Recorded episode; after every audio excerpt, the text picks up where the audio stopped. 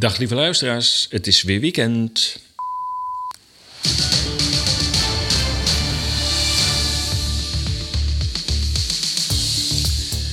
Het is weekend en weer tijd voor Radio Moddergat, de vrije podcastradio van ezas.nl. Twee wekelijks 60 minuten lang berichten over bizarre tijden. Mijn naam is Paul de Bruin en we noteren 21 januari 2022.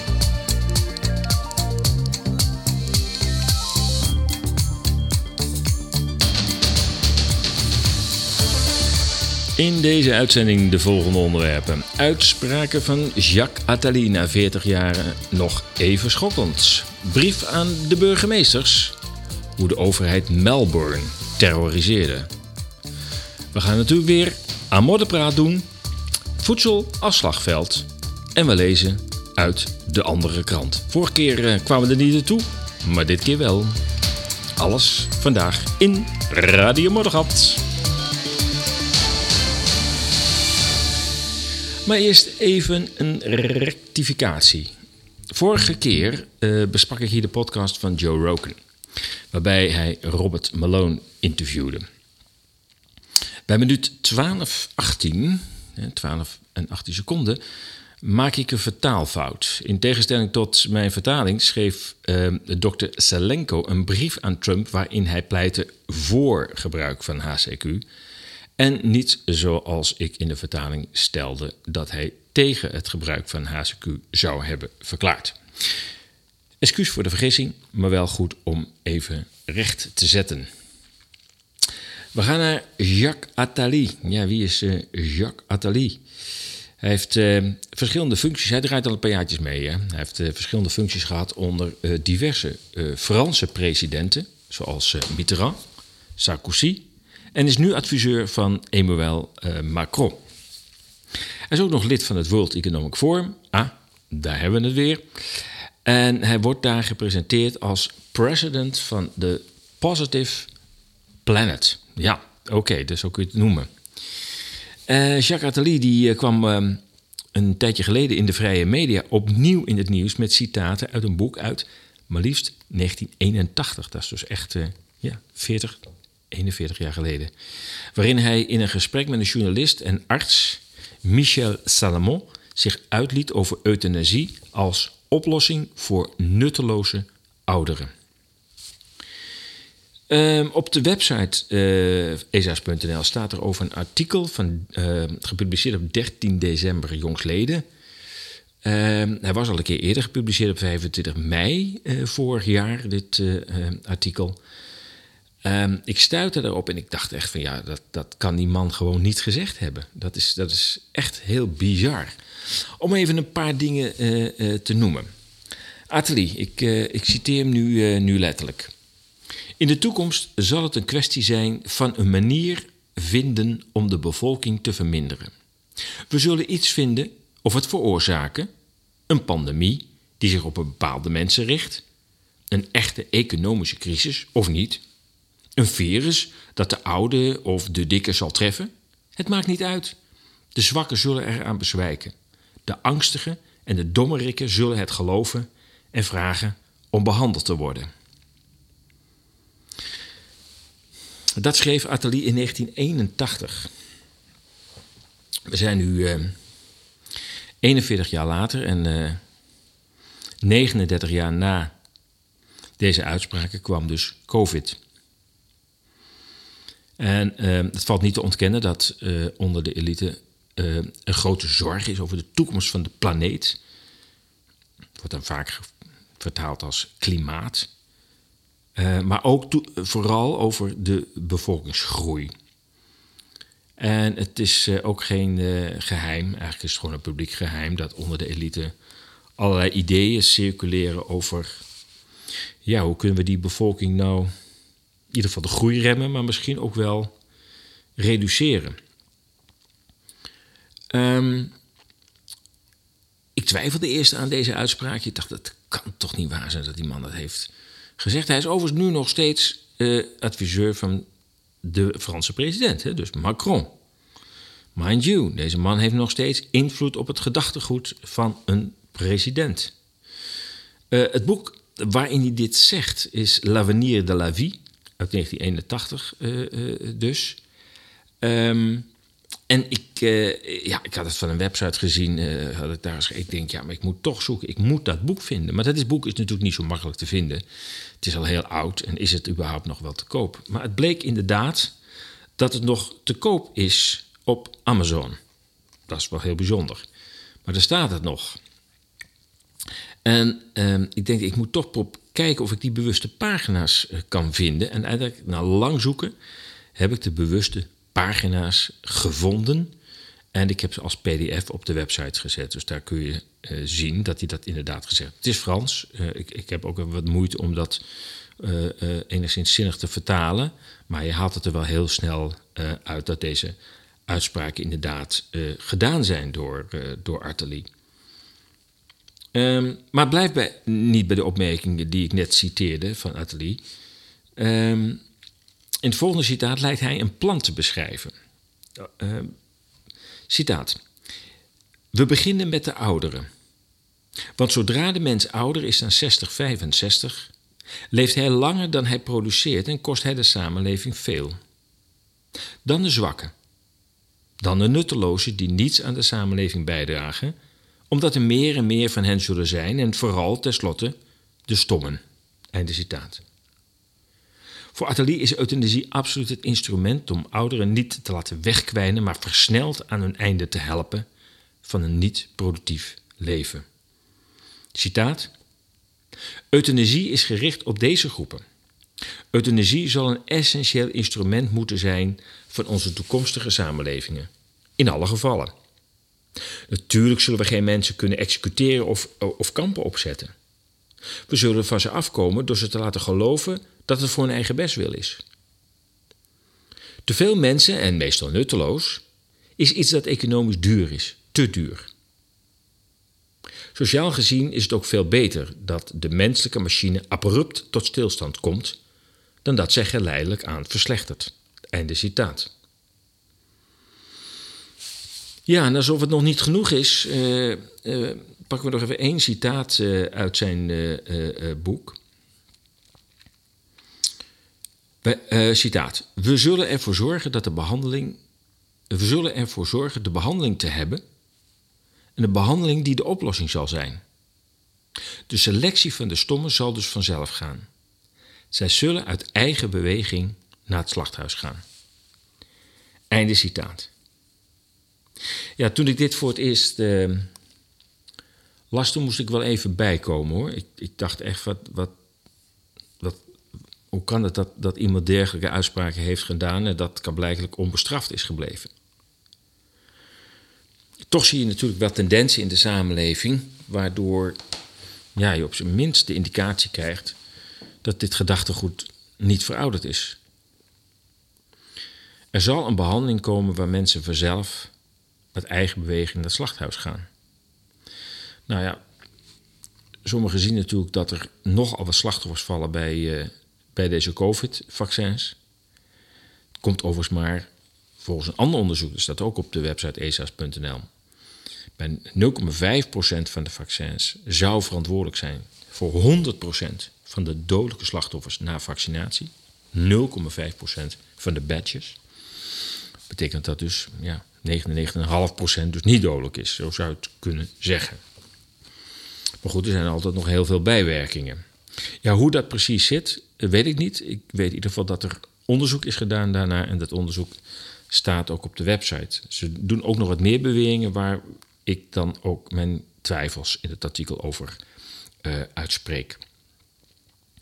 Maar goed, als we kijken naar uh, uh, ja, de, de zorgen over het klimaat en vooral de bevolkingsgroei, hoe komen we allemaal nog aan het eten? Ja, dan is die zorg er blijkbaar bij heel veel mensen, en vooral bij de elite, is die er nog steeds. De vraag is alleen welke oplossing kies je daarvoor? Nou, hier heb je in ieder geval geen oplossing. Dit is natuurlijk, dit is, dit is fascisme. Dit is verschrikkelijk wat hier wordt beweerd door die atelier. En het is te gek voor woorden dat die man nu gewoon weer lid is van het World Economic Forum en ook nog adviseur van president Macron. En Macron met zijn uitspraken dat hij de niet-gevaccineerden het leven zuur zal maken tot het bittere eind, dan denk ik ja, Als je Attali, Jacques Attali als, als adviseur heeft, hebt, dan snap ik dat wel. Dan radicaliseer je heel snel. En we moeten ons realiseren dat we nu toch hier en daar leiders hebben die gewoon aan het radicaliseren zijn. Zoveel is in ieder geval duidelijk. Ja, en dan dus uh, dat die president is Positive Planet bij het World Economic Forum. Ja, dat is wel cynisme van de bovenste plank. Enfin, uh, als je er meer over wil lezen, ga naar uh, ezas.nl. Kijk even naar een artikel 13 december uh, vorig jaar. Schokkende uitspraken na 40 jaar nog actueel. En dan nou kun je er iets meer in verdiepen. En dan kun je ook de PDF's zien waar die teksten ook letterlijk in staan. Burgemeesters. Ja, burgemeesters spelen een belangrijke rol in de huidige COVID-crisis. Want zij sturen de BOA's aan. Het is hun persoonlijke politie, waar je vroeger de gemeentepolitie had. Nou, de gemeentepolitie bestaat niet meer. Het is allemaal staatspolitie. Laten we dat woord maar gewoon gebruiken. Ze noemen het nationale politie, maar het is eigenlijk staatspolitie. Um, en de, de burgemeesters hebben daar de BOA's voor teruggekregen. Daar komt het in feite op neer. En eerst leken die BOA's alleen nog maar bonnenuitdelers, maar ze worden steeds verder in het zadel uh, gehezen. Ze worden steeds beter of agressiever bewapend, is maar net hoe je het noemt. Ze grijpen steeds meer in het privéleven van de burgers van de stad. En ze staan dus onder het gezag van de burgemeester. De vraag is: van, moeten we langzamerhand die burgemeesters niet eens aan gaan spreken? Want het zijn hun steden waar die boa's optreden. En zij kunnen toch wel enigszins aan de knoppen draaien hoe hard die boa's erin gaan. En zeker nu, nu die winkels weer, uh, weer open gaan, maar de restaurants weer, ik geloof een week, ja, ik houd af en toe ook niet meer bij, ik houd überhaupt niet meer bij, maar dan nog weer langer dicht moeten blijven. Ja, er, zijn een er is een aantal burgemeesters dat heeft gezegd... nou weet je, dat, we gaan daar ook echt niet meer op controleren... als we dat gezamenlijk doen. Het is, ze zoeken het maar uit. Uh, het, het, is wel welletjes zo, want onze hele middenstand gaat kapot. En toch zijn er veel burgemeesters die hebben gezegd... nee, nee, nee, nee, nee, de meeste burgemeesters... we gaan gewoon handhaven. En dan denk ik, ja, maar ben je nou burgemeester van die stad of niet?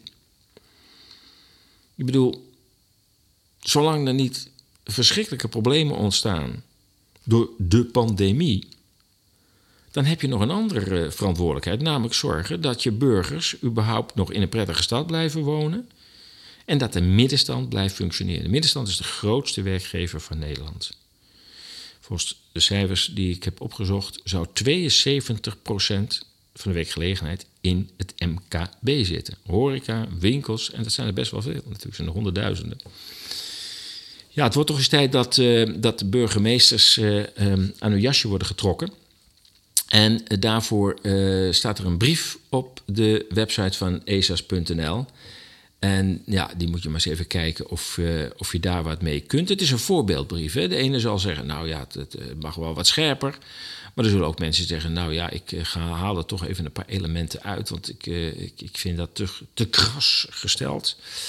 En uh, het mag wel even iets anders gesteld worden. Dus prima, pas het maar aan. de tekst staat integraal op de website. En er is ook een, een te downloaden brief in Word. En dan kun je het naar hartelust aanpakken. Maar we moeten een keer, denk ik, die burgemeesters gaan aanspreken. Want het is hun stad en zij zijn mede verantwoordelijk voor het in vernieling draaien van hun eigen stad. Als zij dus door hun binnenstad lopen, dan zie ze een totaal ontwrichte binnenstad. Een zieke binnenstad. Met mensen met mondkapjes op. En overal waarschuwingsborden uh, en tekens en stickers. Dat is, dat is geen stad meer. Dat is een psychiatrische inrichting. En daar zijn de burgemeesters verantwoordelijk voor. het wordt tijd dat we ze daar ook op uh, aan gaan spreken. Ik herinner me nog een uitspraak van, van Rutte. Ehm, ik, ik, ik dacht dat hij Abraham Kuyper citeerde, maar dat weet ik niet. Dat zou ik nog eens moeten opzoeken. En ik weet ook niet meer de letterlijke tekst die hij gebruikt. Ik zou het nog eens moeten opzoeken. Uh, want het was in oud-Nederlands en bovendien zeer eloquent geformuleerd. Maar het kwam erop neer, dat zei hij in april 2020, jawel, dat is alweer twee jaar geleden. Zo lang zitten we al in deze, dit gekke huis. Um, toen zei hij, en hij zei ook dat hij, dat hij, dat hij nou, ik dacht Abraham Kuyper citeerde, van ja, um, de staat kan niet verantwoordelijk zijn als de burgers uh, vrijheden worden ontnomen. Het zijn de burgers zelf die verzaken. Dus ik dacht dat hij iets zei van slapte in de spieren en luiheid, dat ze er niet tegen in verweer komen. Later heeft hij in andere bewoordingen het nog een keer gezegd. Volgens mij was dat in mei 2020. En toen zei hij: Ja, moet je horen, als mensen willen dat het voorbij is, dan is het voorbij. En um, ja, ik verdenk Rutte niet van al te veel principes. Maar hier, ik zou je kunnen zeggen, dit is wel een maximale liberale achtergrond. Zo van ja, moet je horen, uh, als jullie het willen, uh, het is jullie zaak, uh, prima, ik regel het wel. Geen eigen visie hebben, kan blijkelijk, maar zoek het maar uit. Hij zal het natuurlijk heel berekenend gezegd hebben, wetende dat het volk zo bang is gemaakt door hemzelf, zijn handlangers en de media, ook handlangers, dat hij gerust zo'n uitspraak kon doen. Hij wist dat de meeste mensen toch die maatregelen wel zouden blijven steunen. En het kan ook zijn dat hij denkt: ja, het is wel tricky wat we nu aan het doen zijn. Als ik ooit nog een keer ter verantwoording word geroepen, dan heb ik in ieder geval deze uitspraak gedaan. Dat het aan het volk was die deze maatregelen wilde en daarmee hun eigen leven en economie de nek om heeft gedraaid. Het zou zomaar kunnen dat hij er zo over denkt. We gaan naar Melbourne. Er is heel veel over Australië gezegd de afgelopen jaar, zeker. Meestal betrof het eigenlijk maar één staat van um, Australië. Australië bestaat uit een aantal staten en één daarvan is Victoria. Daarvan is de hoofdstad Melbourne, een miljoenenstad. Overigens heeft Australië eigenlijk alleen maar miljoenen steden en dan komt er een hele tijd niks en dan krijg je allemaal dorpjes en buurtschappen. En heel veel uh, bush natuurlijk. Hè. Um, er is een documentairemaker uh, in, uh, in Melbourne en die, die heeft gezegd, ik, ik, ik, en, maar hij zou ook actie voeren, want hij heeft veel voor uh, allerlei protesten gesproken. En heeft gezegd van, ik, ik ga daar nou een documentaire van maken. Om eens allemaal op te rijden wat we hier eigenlijk allemaal hebben meegemaakt. Want die beelden uit Australië, die gingen de wereld over. Bijvoorbeeld de beelden van een oude vrouw die door de politie bruut tegen de grond wordt gewerkt. We kennen dat uit Amsterdam ook. Dus de Amsterdamse Nederlandse nationale politie, de staatspolitie, uh, heeft in Nederland precies hetzelfde gedaan. Oude vrouw, bruut tegen de grond gewerkt. En terwijl ze op de grond ligt, krijgt ze nog de volle laag traaggas in haar ogen gespoten. Um, iemand die geboeid uit haar huis wordt afgevoerd om, door diverse agenten. Haar uh, laptop in beslag wordt genomen. Uh, omdat ze een kritisch bericht op Facebook had gezet. Jawel, we praten over 2021. Maar de inwoners van Melbourne vochten terug. Zijn trotse mensen, zijn trots op een stad. Dus ook, de stad is al zeven keer uitgeroepen als meest leefbare stad van de wereld. Zeven maal. Goed, ze konden hoe dan ook niet voorkomen dat de tijdelijke repressieve wetten, DDR-stijl noem ik het wel eens, nu permanent zijn. Dat is in Nederland ook, dat is in Duitsland ook, dat is in Frankrijk ook. Je weet, het is allemaal gecoördineerd. Niks is toeval in wat we nu meemaken. Hooguit de chaos die nu aan het ontstaan is bij, uh, bij de club die dit, uh, dit, dit aanstuurt. Maar wat er nog wel slaagt, dat is, dat is gecoördineerd. Dus die tijdelijke wetten gaan overal weg. In Duitsland gaan die weg. Die zal waarschijnlijk hier ook wel weggaan, die noodwet, die tijdelijke noodwet. Want ze hebben gewoon de anderhalf jaar benut om al die tijdelijke regels gewoon in permanente, te gieten, permanente wetgeving te gieten. Dus die regels zijn er nog steeds, alleen die tijdelijke wetten gaan zogenaamd weg. Ik ga lang stilstaan bij deze video, want die documentairemaker heeft uh, een, uh, een video gemaakt, zoals ik net zei.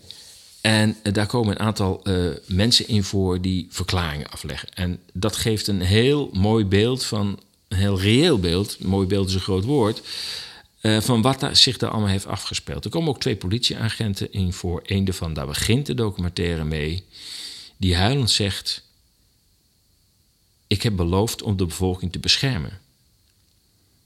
Maar ik heb gefaald. En ik vraag jullie om vergiffenis. En al zou ik mijn leven daarvoor moeten laten, ik hoop dat ik die vergiffenis van jullie krijg. I want to say to the, the people of Victoria that I'm sorry.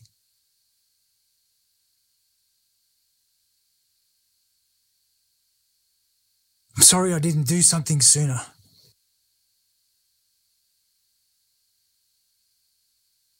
I swore to protect you, and I and I failed.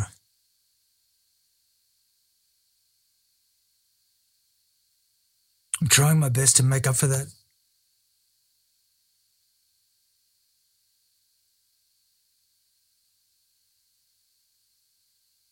I'm prepared to give my life in pursuit of that forgiveness.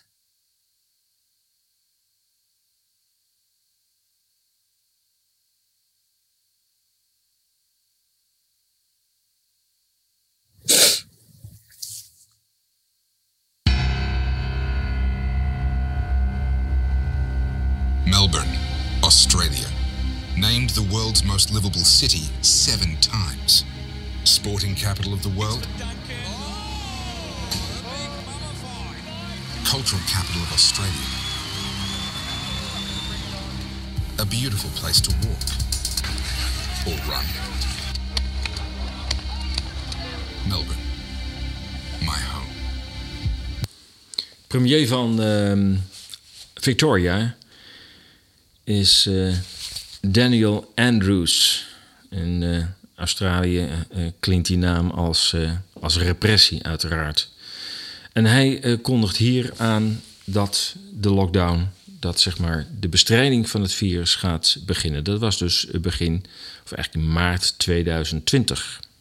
Victoria will be in lockdown within the next 48 hours. We are declaring a state of emergency in Victoria. These are not designed to have zero new cases. In effect, nothing we do can deliver that outcome. This is about, as everything we're doing, is about flattening the curve. Nou, dat moet de Nederlander, dat er moet ons wel bekend in de oren klinken. Flatten the curve. Het geeft ook aan dat, dat ja, iedereen die een beetje heeft opgelet vanaf het begin, heeft natuurlijk wel in de gaten gehad hoe gecoördineerd die communicatie is geweest. Niet alleen um, um, het proces was overal gelijk, maar ook de, de termen die werden gebruikt waren dus ook overal dezelfde. Sommige bewoners zijn zo verschrikkelijk bang, nog op dit moment zelfs nog, toen die documentaire onlangs werd gemaakt. Die documentaire is pas een paar weken online, misschien nog zelfs minder. Uh, dat ze uh, niet uh, in beeld wilden en ook hun stem wilden laten verdraaien. Zo bang is men nog voor repercussies van de overheid van Victoria.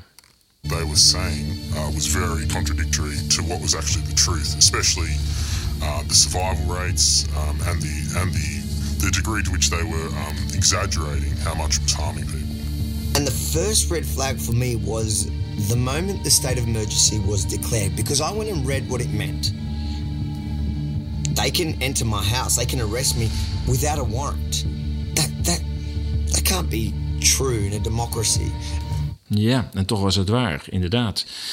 Dat ze uh, noodwet aannamen waarbij uh, de politie zo je huis kon binnenvallen. Dat was toch volgens deze bewoner, inwoner van Melbourne, toch eigenlijk ondenkbaar in een democratie. Het ging nog verder. Want Andrews, dus de premier van Victoria, die, uh, die draaide de duimschroeven verder aan. En uh, ook hier hoor je Andrews zich verschuilen achter experts, gezondheidsexperts.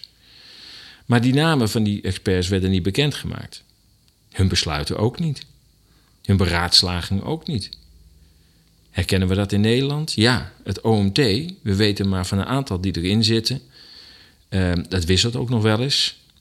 Maar de beraadslagingen en de besluiten, die zijn ook in Nederland zijn die geheim. Het gebeurt allemaal achter gesloten deuren. We hebben geen idee welke afwegingen er worden gemaakt. Laat staan dat er ook nog maar iets van democratie over is. De bevolking van Melbourne, die deze draconische maatregelen moest ondergaan, moest ondergaan kregen geen enkele data te zien van die, van die experts. En daar, daar, daar hebben ze zich natuurlijk enorm aan gestoord. Is there an opportunity to be free and open with 20, 30, 50, 100 cases a day? All the doctors tell us no. And therefore, we have no choice but to follow advice that says we need to go harder and we need to go longer. Het beleid werd uh, steeds gekker. Bijvoorbeeld was er een, uh, een uitzonderingssituatie uh, gecreëerd. Mensen mochten niet naar buiten, maar de kinderen mochten wel op speelplaatsen spelen. Dat is overigens later ook weer teruggedraaid.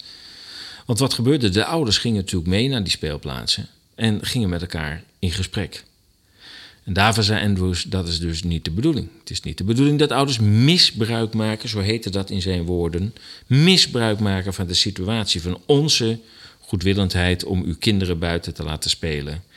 En ja, dat mensen dan, uh, wat zou ze buiten maskers moeten dragen, ook in de Australische zomer, hier de winter, en dat is dan 25 graden, moeten ze ook maskers buiten dragen. Nou ja, mensen gingen dan, de, de, de, de, de ouders gingen dan met de kinderen op het speelplaatje zitten en deden hun maskers af en gingen dan maar drinken. Ja, dat was dus duidelijk niet de bedoeling volgens uh, Andrews. Will be no removal of masks to consume alcohol outdoors. Police will be out in force and you will be stopped and you will be asked and you will need to demonstrate that you are lawfully out. Hier spreekt een, een inwoner, maar ook een vrije journalist, een collega dus, uit Melbourne. En hij uh, typeert het beleid en uh, de premier. In many ways, like he has that savior complex. Daniel Andrews would have made a very good preacher because he's someone that you know gets in front of the pedestal uh, every day and he can preach the same message over and over. And before you know it, 14 days to flatten the curve becomes almost 20 months. Australië heeft ook een ombudsman, dat is overigens een vrouw. En die, uh, die heeft de, het, het, beleid en vooral de beperkingen die werden opgelegd, de vrijheidsbeperkingen die werden opgelegd aan de uh, bevolking van Victoria scherp veroordeeld. A report released today, Ombudsman Deborah Glass was scathing. It appears to me to be contrary to Victorian law, specifically the Charter of Human Rights and Responsibilities Act. En zoals we dat ook in Nederland kennen, uh, er was natuurlijk hier en daar wel uh, kritiek, maar er werd totaal geen acht op geslagen. De trein moest door, het plan moest worden uitgevoerd. Een verschrikkelijk virus, een verschrikkelijke pandemie moest worden bestreden. Maar er werd dus inderdaad niets gedaan. En hierover spreekt de regisseur en maker van uh, de film. En tevens ook actievoerder en spreker op veel rallies in, in Melbourne. Uh, Topfer Field. But there were no consequences, and the I Stand With Dan crowd loved it. They were laptop workers or on welfare, and Daddy Dan was protecting them from the Rona. Ja, opvallend is dat uh, hij dat de Rona noemt. Ik neem dat aan dat hij daarmee corona uh, noemt. Of Rob, Robert Jensen noemt dat, dat Kiona. Um, wil je het woord zelf niet meer, meer uitspreken. Opvallend dat hij ook spreekt over de I Stand With Dan crowd. Oftewel, er was toch een, ook een grote meerderheid, kan blijken ook in Australië, voor de maatregelen. En die heette dan de I Stand With Dan crowd. Daarnaast noemt hij, en dat is ook opmerkelijk, uh, de laptop workers. They are on uh, social security, on, on, social benefits. Uh, met andere woorden, van ja, die, die, die, de laptopworkers vonden het allemaal wel prima. Die kregen gewoon geld en die bleven achter hun laptop zitten.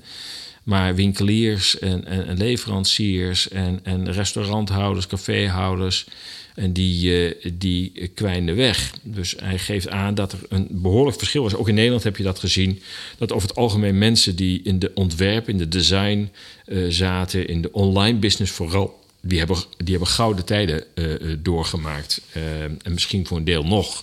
Het zal overigens wel per persoon verschillen, maar over het algemeen, wat, wat, wat Toffer ook zegt, kwamen de mensen uit de creatieve sector er over het algemeen wel redelijk goed af.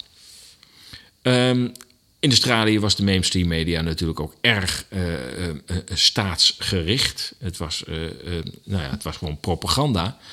Maar toch viel op dat tijdens een aantal persconferenties een, een paar journalisten wel verder en meer doorbeten dan we ooit van de Nederlandse journalisten hebben gehoord. Een, een, een fragment. still lack such confidence in your hotel quarantine systems and your contact tracing. Ze spreekt hier met you uh, apparently can't Andrews. two to three cases of COVID a day in a population of about 6.3 million people. Well, you've made a number of assertions there, and Well, they're all facts, actually. well, no, they're not. So why the need for lockdown? Well, well, that's a very different question to the one that you asked at the beginning, where you contended that there were all sorts of confidence issues. Well, I'm going based on that you said on the weekend that a lockdown was needed because contact tracers could not keep up, which would imply that you lack confidence. No, that's doesn't. It's not what it implies at all. That's not what it implies at all. Stage four is here, our COVID hell far from over. Victoria is this very minute entering a state of disaster, and all of Melbourne will be under a strict curfew from 8 o'clock tonight as the way we shop and exercise is limited even further. This is when the devastation started. First of all, from 6 p.m. tonight, uh, I am declaring a state of uh, disaster. Uh, one hour of exercise, no further than five kilometres from your home. Recreational activity is now no longer. Third area of change for metropolitan Melbourne is that under those state of disaster provisions from 8 p.m. tonight, a curfew will be uh, implemented. In de film zitten ook natuurlijk beelden eh, van het optreden van politie, of eigenlijk van antiterreureenheden. Ehm dat, dat heb je ook in Nederland uh, gezien. Weliswaar hebben we dat anders verpakt. Er waren toch wel speciale eenheden bij de politie ingezet. Die er toch iets anders uitzagen dan de reguliere uh, ME, zou ik haast zeggen. En die kablijkelijk uh, er helemaal op ingesteld uh, waren en ook toestemming hadden, of misschien wel instructie hadden, om er gewoon lekker op los te slaan. Zoals in Amsterdam recentelijk weer is gebeurd. En de honden op mensen los te laten. Of dat nou oudere mensen of jongere mensen waren, of ze nou vreedzaam waren of niet. Nou ja, niet was eigenlijk niet aan de orde, want ze waren allemaal vreedzaam. Uh, ja, men sloeg er maar op los. Maar in Australië ging um, Daniel um, Andrews nog een stap verder. Hij zag dat er toch ook oppositie was en hij wilde die oppositie een harde klap toebrengen.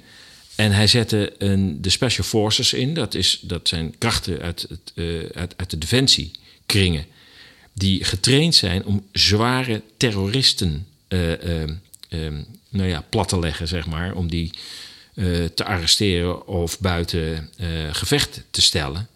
En deze extreem zwaar bewapende uh, mensen in, in panzerwagens liet hij dus op de bevolking los. Daar zitten ook beelden van in uh, deze documentaire, die overigens die heb ik nog niet eens genoemd. Battleground Melbourne heette de documentaire. Ik kom daar nog, direct nog wel, ik zal het nog wel een keer noemen.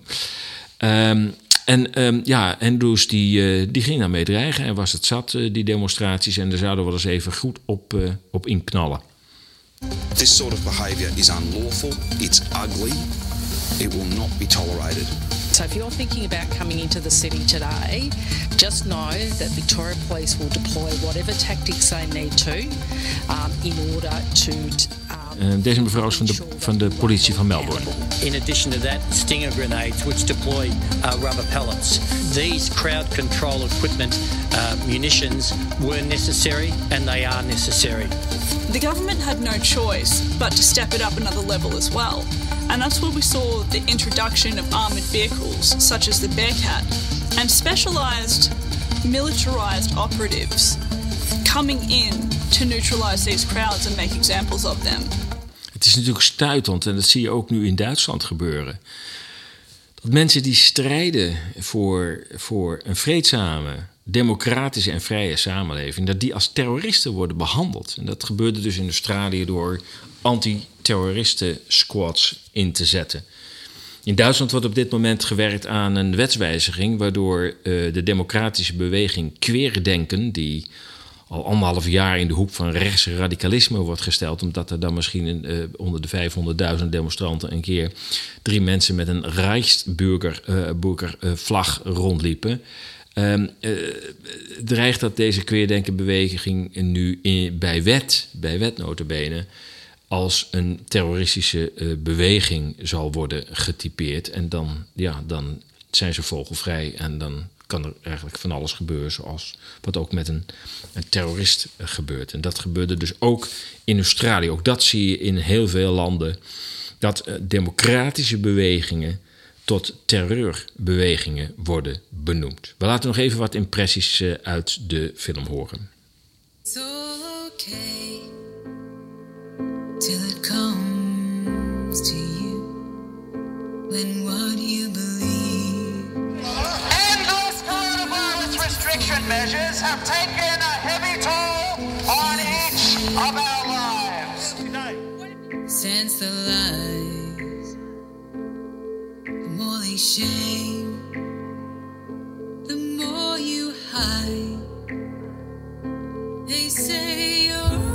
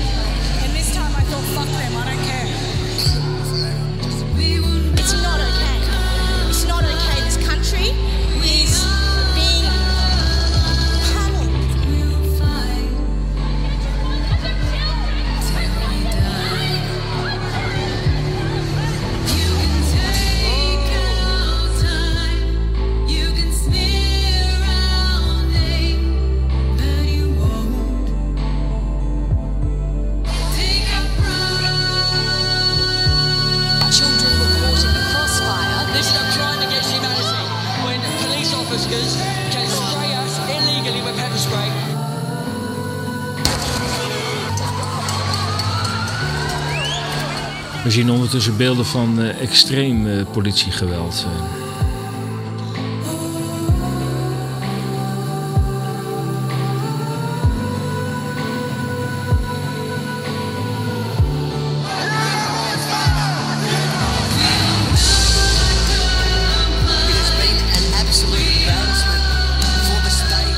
Ziet politieagenten letterlijk op liggende mensen schoppen en trappen. Het is onvoorstelbaar. Hier breekt een, eh, een grote crowd door het politiecordon. Dat is wel tamelijk eh, moedig, moet ik zeggen. Niet zonder gevolgen overigens.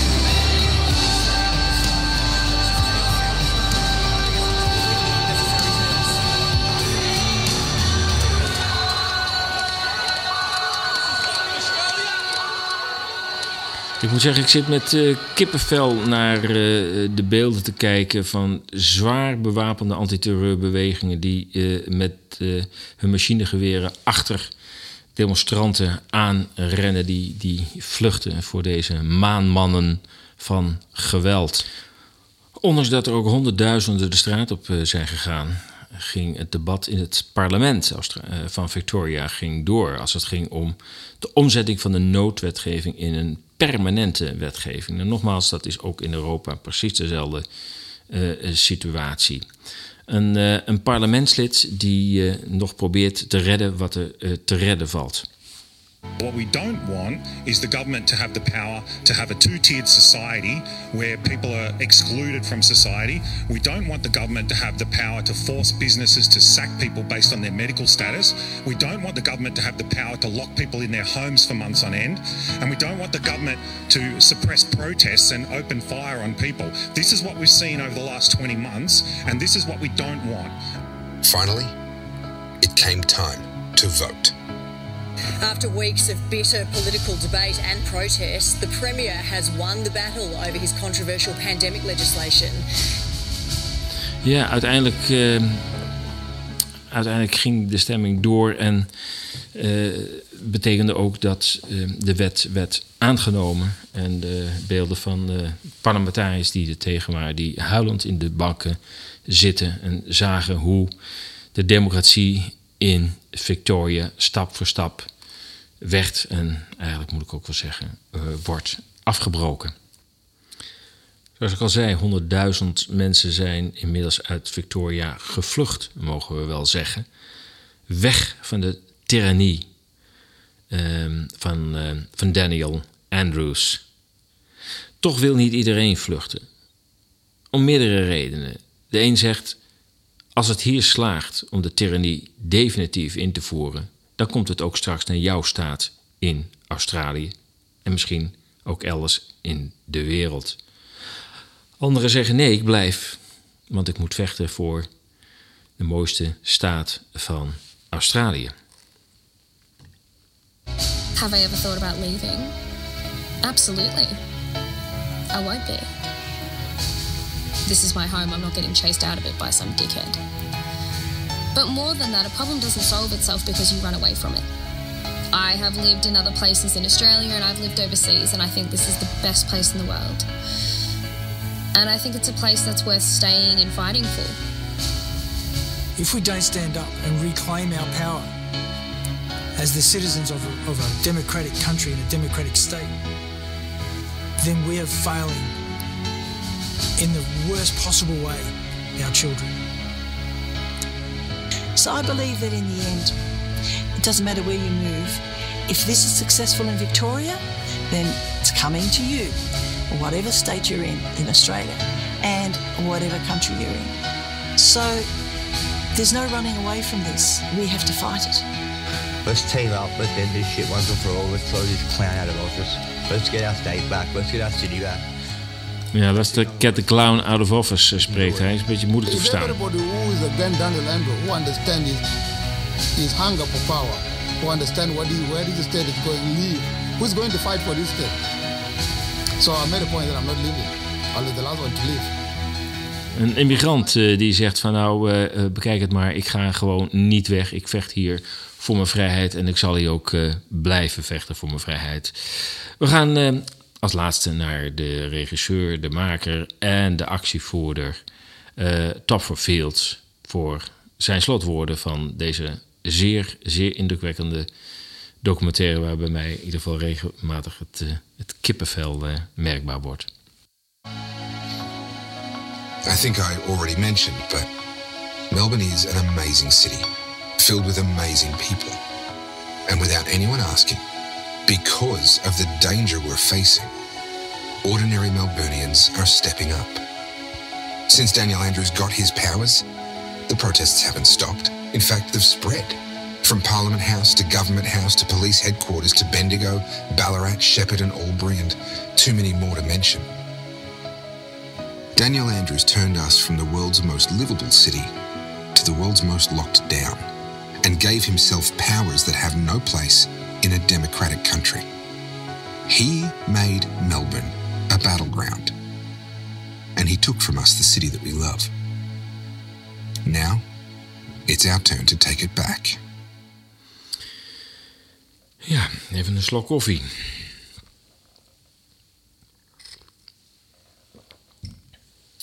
Ja, dat is ook de boodschap aan ons. We zullen er wel eh, voor moeten vechten om eh, onze democratie in volle glorie weer terug te krijgen. Of in ieder geval een nieuwe democratie op te bouwen. Want die oude was eigenlijk ook al behoorlijk sleets geworden. Het is een hele indringende boodschap aan ons. En zeker de Europeanen moeten weten hoe fout het kan aflopen als je te lang niet oplet. Dit is Radio Moddergat, wereldwijd te beluisteren op Soundcloud, Apple Podcast, TuneIn en Spotify.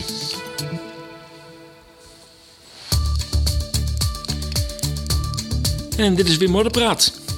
Een eigenwijze kijk op actuele ontwikkelingen. Dit keer over breekt het narratief.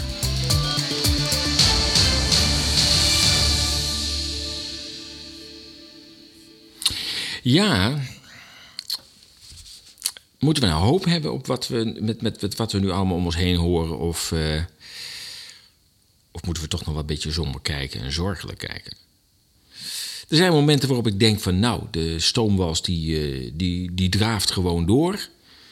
En eh, ik zie nog allerlei eh, tendensen dat men gewoon van plan is om de agenda te blijven uitvoeren. En aan de andere kant zie ik toch ook wel heel veel signalen van ik denk, nou, ik ben heel erg benieuwd hoe lang ze dit nog volhouden. En een aantal van die dingen wil, wil ik even noemen. Wat mij heel erg opvalt, is dat, dat er steeds meer groepen zijn. Die noemen zich dan autonome groepen, niet te vergelijken met wat voorheen de autonomen werd genoemd, want daar staat het heel ver van af. Dat heeft eigenlijk gewoon niks mee te maken. Maar autonome groepen die zeggen, ja, we moeten weer het heft in eigen hand nemen. Want van de staat hoeven we niks meer te verwachten. Rutte heeft het ook zelf gezegd, hè? Die heeft het ook zelf gezegd. Die heeft die, dat citaat waar ik het straks over had. Ik kan het niet vinden. Ik zou eens even moeten opzoeken waar ik, eh, waar ik dat citaat letterlijk kan vinden. Maar goed, ja, die heeft ook gezegd: ja, de, de staat is niet verantwoordelijk. Ja, als jullie niks doen, eh, wij gaan gewoon door.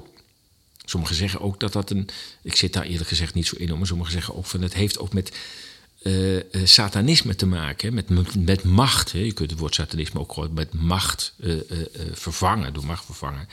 In de zin van, ja, je mag wel slecht doen, maar dan moet je het wel aankondigen dat je iets slechts gaat doen. Want als je het dan doet, dan heb je de tegenpartij de kans gegeven om zich te verdedigen. Als je dan niks doet, is het zijn probleem. Ik heb het ook wel eens in de zakelijke wereld gehoord. Dat iemand zei, ja natuurlijk, ja, je, je mag best iemand belazeren. Ja, natuurlijk. Maar je moet het wel zeggen dat je, dat je, ja, je gaat scherp onderhandelen. Dus let op. Weet je, ik ben een verkoper.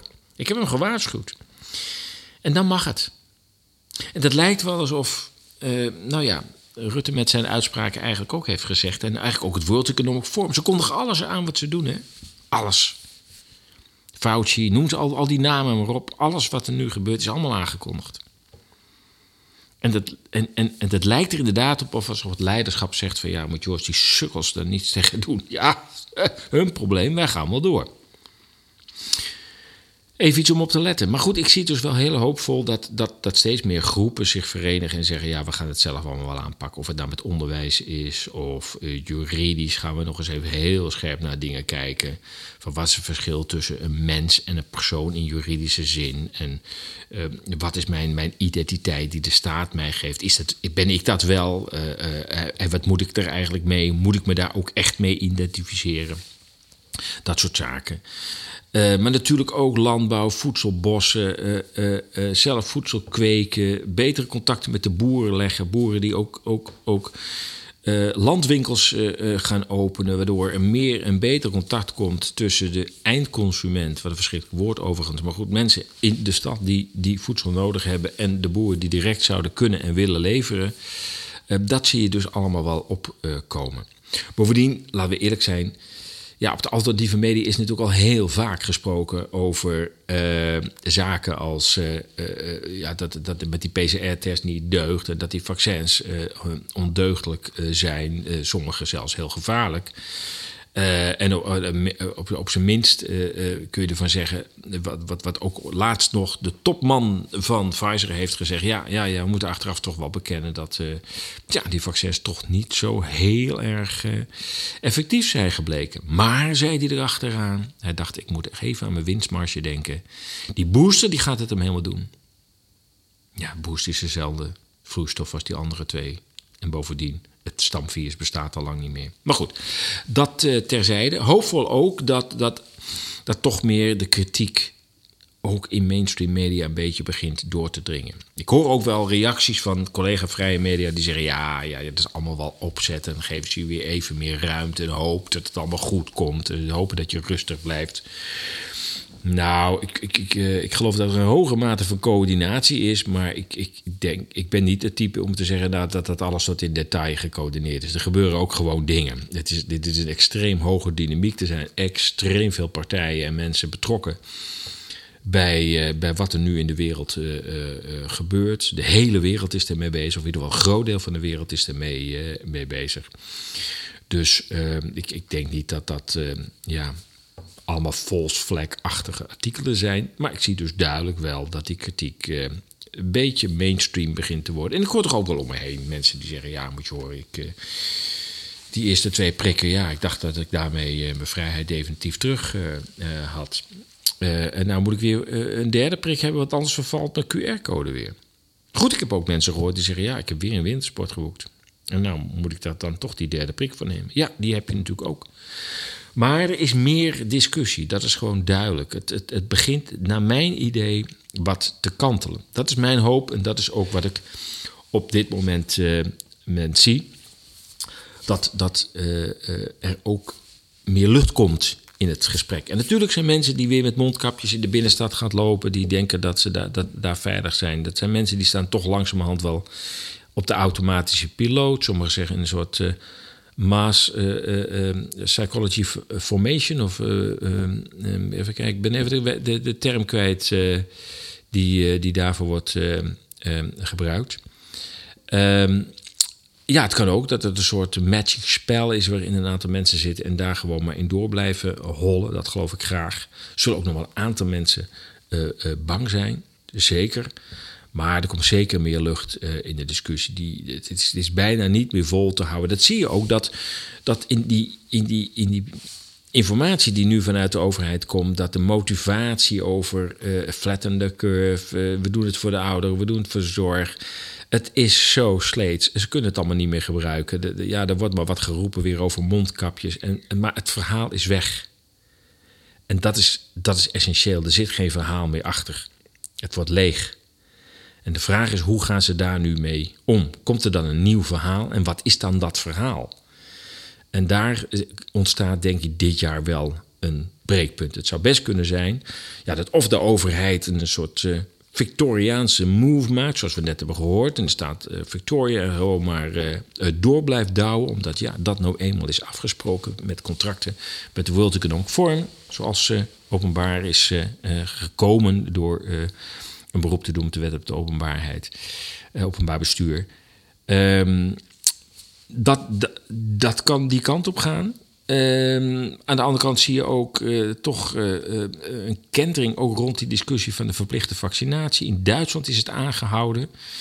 Ehm, in Nederland is dat volgens nog ook aangehouden. Steeds meer mensen denken, ja, maar moet je horen, als dat dan toch niet werkt, hoe kun je het in godsnaam verplichten? Dus dat zijn essentiële punten in het narratief, wat eh, wel heel snel begint af te breken. Des, da- da- daarnaast lopen er ook de nodige rechtszaken in, in de wereld al tegen eh, eh, partijen die hierin een belangrijke rol spelen. Dus ja, ik ben, moet zeggen, licht optimistisch. Ehm, dit jaar staan we er denk ik echt wel anders voor dan, de, dan vorig jaar. Toen was het eh, verhaal nog eh, solide, althans voor het grootste deel van de samenleving. Ook voor de media was het nog een solide verhaal. Men, men kon er nog een puntje aan, aan, zuigen. En we konden nog rechtbreien allemaal. Eh, dit jaar gaat het niet meer lukken. Dus ik ben heel erg benieuwd waar ze mee, eh, mee komen uiteindelijk. Goed, modderpraat. We gaan over naar voedsel als slagveld. Ander belangrijk punt. Want er zijn veel agendapunten die men tegelijkertijd wil, eh, wil realiseren. Neem af en toe even een slok van mijn koffie. Probeer hiermee niet eh, Bakkie met Bersma na te doen, die, eh, die er altijd een drankje bij heeft. koffie of een wijntje of wat dan ook. Dat niet, maar ik had er toch wel even trek in.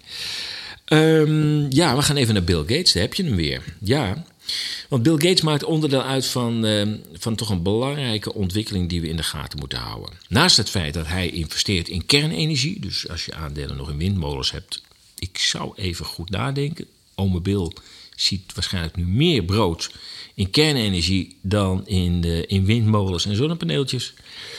Ehm, goed, maar daarnaast heeft hij ook eh, landbouw en voedsel heeft hij eh, hoog op de agenda staan. En eh, daar, eh, daar heeft hij dus heel veel geld in gestoken. Hij heeft 200.000 hectare landbouwgrond in de Verenigde Staten. Daarmee is hij de grootste bezitter van landbouwgebied geworden. Daar wil hij natuurlijk iets mee. Daarnaast in Californië, de University of California, experimenteert met mRNA in de sla. Jawel.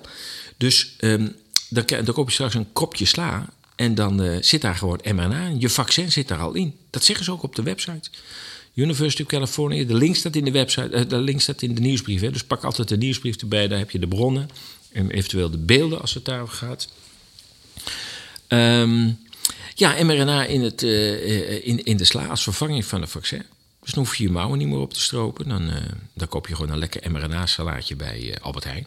Maar waarschijnlijk ook bij Picnic. Want Picnic, je weet wel, die kleine wagentjes waarvan je denkt... nou, die vallen in de, bom, in, de bocht wel om. Eh, die eh, dus eh, voedsel eh, eh, bij jou thuis eh, eh, afleveren, na bestelling. Ehm, ja, daar heeft Bill Gates 600 miljoen in gestoken. En daar wil hij natuurlijk iets mee. Hij wil dat uitbreiden in Nederland, maar ook vooral in Europa wil hij deze formule hebben. Zodat hij naast voedselproductie ook nog eens de distributie naar zich toe kan halen. Ja, als hij dan gelooft in gemanipuleerd voedsel, en daar gelooft hij wel eh, eh, in. Het is nogal iemand van innovatie, zoals dat wordt genoemd. Ja, dan kun je straks waarschijnlijk dat kopje sla wel bij, eh, bij Picnic bestellen. En dat komt dan van de landbouwgebieden van Bill Gates in de Verenigde Staten.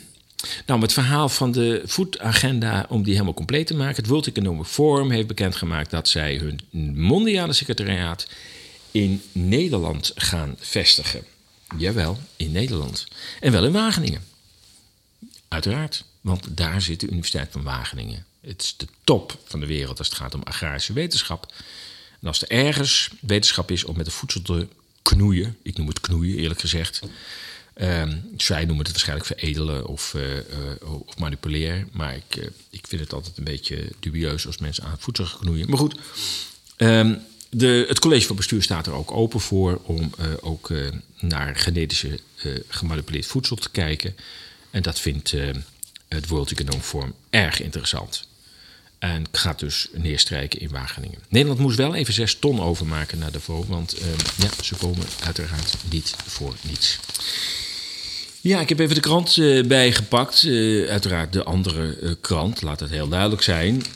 En die heeft ook een heel uitgebreid artikel op pagina 6 in dit geval... van de vorige krant. Want ik heb helaas de nieuwe krant er nog niet bij... want we nemen dit vrijdags op, deze, deze podcast... en dan ligt de krant nog niet in de bus. Die is zaterdag pas... Maar goed, als je de krant nog niet hebt, dan maakt het ook niet uit dat het uit de krant van afgelopen weekend eh, eh, komt.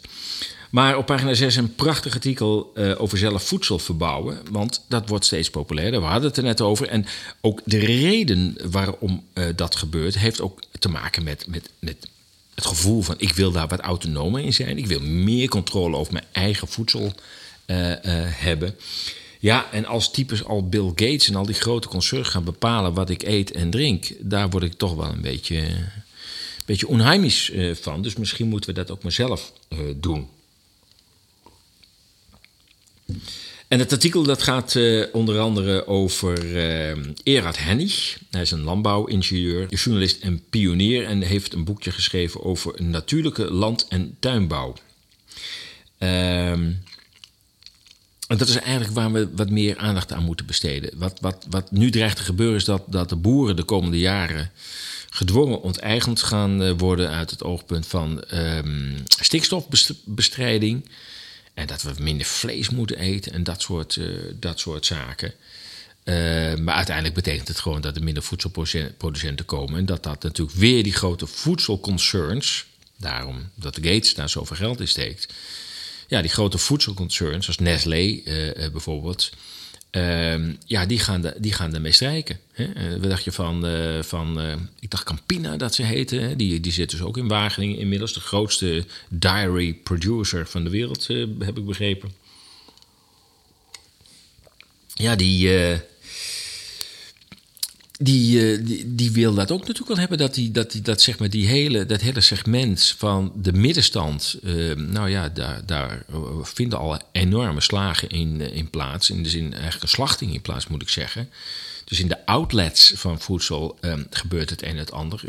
Bovendien, hoeveel slagen zijn er nog? En hoeveel kruideniers en hoeveel groenteboeren? Dat zijn er natuurlijk niet zo heel veel meer. Bijna niet, zou ik haast eh, eh, zeggen. Ja, je dan ook nog de voedselproductie naar je, naar je toe weet eh, te halen. En de distributie, ja, dan, dan, ben, je, dan ben je het basie. Hè? Daarom meer behoefte aan ehm, zelf landbouw plegen. En daar staat een mooi artikel van in, ehm, in de andere krant. En daarna staat er, ja, er staat heel veel in trouwens. Oh, neem die kwalijk. Er staat heel veel in trouwens. Maar ook een, eh, een prachtig artikel over de Telegraaf van Paul Jansen, de hoofdredacteur. En de kop is: De Telegraaf van Paul Jansen controleert Rutte's oppositie. Ehm, de hoofdredacteur Paul Jansen van de Telegraaf zei in zijn commentaren haat tegen ongevaccineerden en pleit voor een 2G-maatschappij. Oppositie die verder kijkt dan de Haagse kaastolp heet complotdenker en vreedzaam demonstranten worden als agressor en zelfs terrorist weggezet. Australië ook, ja. Wat dat betreft zijn er niet zulke hele grote verschillen in die, eh, in die communicatie. Ehm, ja, wat is er dan met deze vroegere krant van Wakker Nederland gebeurd? Zo wakker is die krant dus blijkbaar niet. Eigenlijk doet hij weer hetzelfde wat hij in de Tweede Wereldoorlog ook deed. Waar ligt de kracht en waar ligt de macht? En eh, ja, dat is wat ons betreft eh, waar we naar luisteren en eh, waar we de His Master's Voice voor, voor zijn. Zo werkt dat. En het werkt nog meer, want het, het, het, zit, het zit er weer op. Ik wil even de donateurs bedanken van de afgelopen twee weken. Geweldig dat jullie hebben gedoneerd. Daarmee hou je ons in de lucht. Kost heel veel tijd, het kost heel veel energie. Het kost ook nog het nodige geld. Maar het is meer dan de moeite waard. Onze audience groeit, onze aantal kijkers, luisteraars groeit, lezers groeit. de nieuwsbrief gaat spectaculair. Al meer dan duizend abonnees. Dus ja, we zijn daar heel erg uh, blij mee. Ik geloof dat ik de tune een beetje uh, op een verkeerde manier vol zit te praten. Want de bedoeling is eigenlijk dat ik iets heel anders zeg. Dus dat, gaan, dat, dat gaan we gewoon even op, opnieuw doen, jongens. Kom, dat, uh, dit, is, dit is een beetje onzorgvuldig. Dat gaan we even, even anders doen. In ieder geval, dank in ieder geval, beste donateurs, voor, voor jullie bijdrage. Jullie maken dit allemaal mogelijk. Radio Moddergat, ezas.nl we hebben ons magazine, hè? nieuwe magazine. Hè? Let op onze wintermagazine. De beste artikelen van afgelopen half jaar staan erin. Kijk even op de website. Koop hem en je kunt hem meteen downloaden. Het zit er weer op, Radio Moddergat, van uh, 21 januari 2022. Als je deze uitzending hebt gewaardeerd, bezoek dan onze donatiepagina op ezas.nl. De ESA's nieuwsbrief is onmisbaar bij het beluisteren van Radio Moddergat. Ben je nog niet geabonneerd? Meld je dan aan via ezas.nl slash ezas-volgen. Ik uh, wens je nog een heel prettig weekend. Blijf gezond, blijf sterk en tot over twee weken.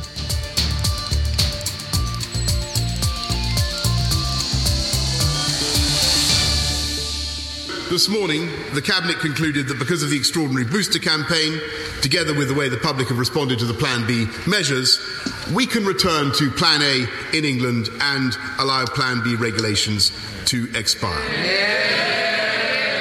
As a result, from the start of Thursday next week, mandatory certification will end. Organisations can, of course, choose to use the NHS COVID pass voluntarily, but we will end the compulsory use of COVID status certification in England. Yeah. From now on, the government is no longer asking people to work from home. Yeah. And people should now speak to their employers about arrangements for returning to the office. And having looked at the data carefully, the Cabinet concluded that once regulations lapse, the government will no longer mandate the wearing of face masks anyway. Mr. Speaker,